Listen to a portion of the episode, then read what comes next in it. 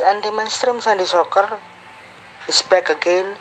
Kali ini Nomo ingin mereview, mereview dua game yang berlangsung dini hari tadi. Barcelona PSG dan juga Rasenball Sport Leipzig versus Liverpool. Yang pertama kita ke game Barcelona PSG terlebih dahulu. Skor 1-4. Kylian Mbappe cetak hat-trick dan meraih overall rating player in match sebanyak 10 poin, 10 poin, poin sempurna. Ada beberapa rekor yang dicetak oleh pemain ini. Lebih tepatnya adalah menyamai pencapaian dan melewati pencapaian. Apa yang dimaksud? Yang saya maksud di sini adalah pencapaian dia mencetak hat-trick di game dini hari tadi menyamai posisi dari Andriy Shevchenko dan juga Faustino Asprilia.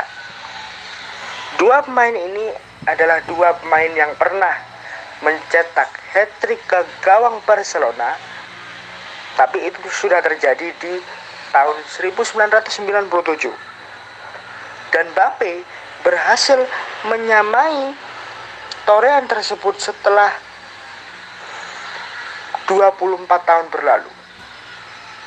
Tapi yang istimewa, Mbappe bisa melewati torehan dua pemain itu karena Mbappe menjadi orang pertama yang mencetak hat-trick ke gawang Barcelona di fase knockout Liga Champions.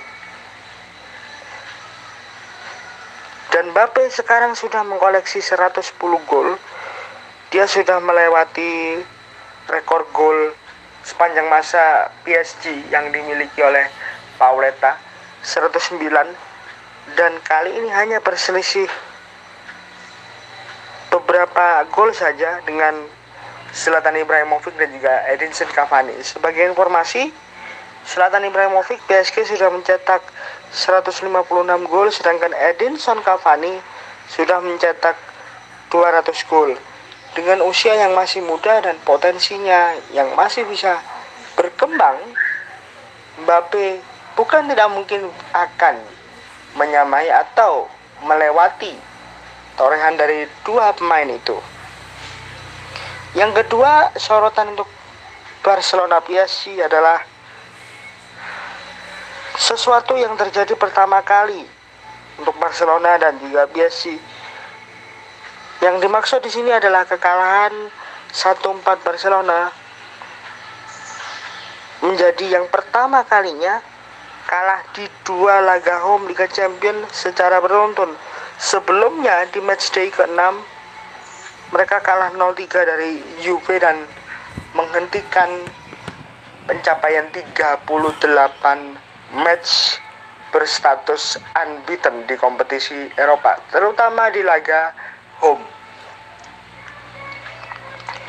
Dan ini juga pertama kali mereka kebobolan lebih dari 3 gol di dua laga beruntun Liga Champions. Sedangkan untuk PSG menjadi klub pertama di era modern ya pertama di era sepak bola modern bisa mengalahkan Blaugrana di Camp Nou karena sebelumnya ada klub asal Prancis yang bisa mengalahkan Barcelona di Camp Nou tetapi bukan di Liga Champions melainkan di Cup Winners Cup. Waktu itu adalah FC Metz yang melakukannya di musim 1984-1985 di fase pertama leg kedua. Setelah sebelumnya match kalah 2-4 tapi di leg kedua mereka berhasil membalikan posisi dan menang 1-4 dari Barcelona. Jadi secara keseluruhan ini adalah tim kedua PSG adalah tim kedua yang mampu mengalahkan Barcelona di rumah atau saat bermain home. Dan skornya pun juga identik sama dengan sama dengan apa yang dilakukan oleh match yakni skor 1-4 sebelum ini Barcelona tak terkalahkan. Bahkan menurut catatan secara overall dari UEFA hanya sekali kalah di 12 ya, 12 pertandingan home menghadapi klub dari Prancis. Jadi rekornya muncul lagi setelah terakhir kali terjadi tahun 84-85 yang berikutnya sorotan lain tentu tertuju kepada seorang Mauricio Pochettino. Kemenangan dalam match Barcelona versus PSG tentu sangat berarti karena dia adalah orang yang pernah melatih rival sekota dari Barcelona, yakni Spanyol. Selain itu, sebelum game ini, Pochettino hanya pernah menang sekali melawan Barcelona sebagai pelatih. Lebih tepatnya ketika melatih tim seteru sekota Espanyol dan ini adalah kemenangan keduanya. Tapi kemenangan ini juga sudah cukup bagi Pochettino untuk mengalahkan rekornya saat bertemu Barcelona sebagai pemain. Sebagai pemain, Pochettino hanya pernah sekali mengalahkan Barcelona. Dan bagi Barcelona sendiri, meskipun kalah, tetapi Messi masih bisa buat rekor. Messi masih bisa buat rekor. Rekor apa yang dimaksud? Messi mencetak satu gol, itu pun lewat titik penalti. Tapi gol itu tetap masuk ke dalam buku sejarah bagi Messi pribadi dan juga Liga Champion karena gol itu membuat Messi sudah mencetak gol di Liga Champions dalam 17 musim beruntun.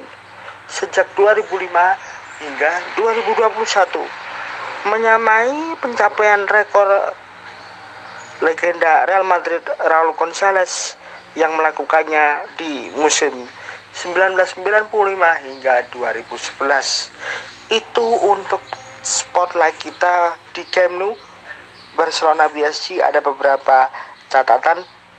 Untuk Leipzig Liverpool di Puskas Arena kekalahan 0-2 tentu membuat mental anak asuh Jurgen Klopp bangkit.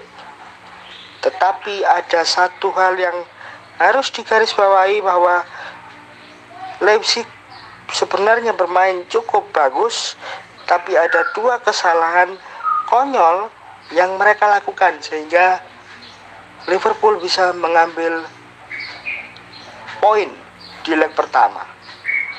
Ini diungkapkan oleh Julian Nagelsmann bahwa dia mengakui ada kesalahan fatal dari para pemain. Ada statement dari dia, kami bermain cukup bagus di babak kedua. Kami mampu menciptakan banyak peluang tapi kami juga membuat dua kesalahan gila yang dihukum dihukum dengan sangat-sangat pantas. Tidak hanya di level ini tapi juga di level mana pun. Dikutip oleh raman resmi UEFA pada hari Rabu ini.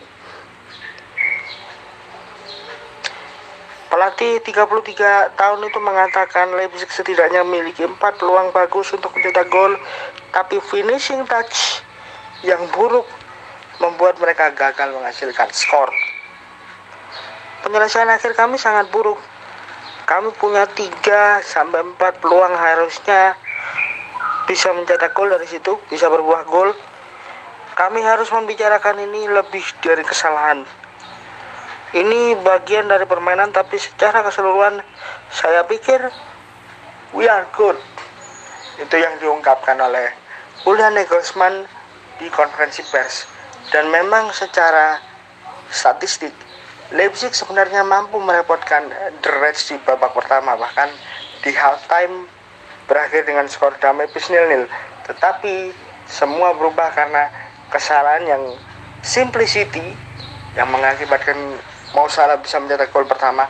Lini belakang dari RB Leipzig memang sedikit agak longgar di hari tadi dan finishing touchnya yang biasanya cukup efektif dini hari tadi memang agak sedikit dropless jadi itu yang bisa saya sampaikan Untuk sorotan hari ini, Salor, Guten Tag, dan Gesser.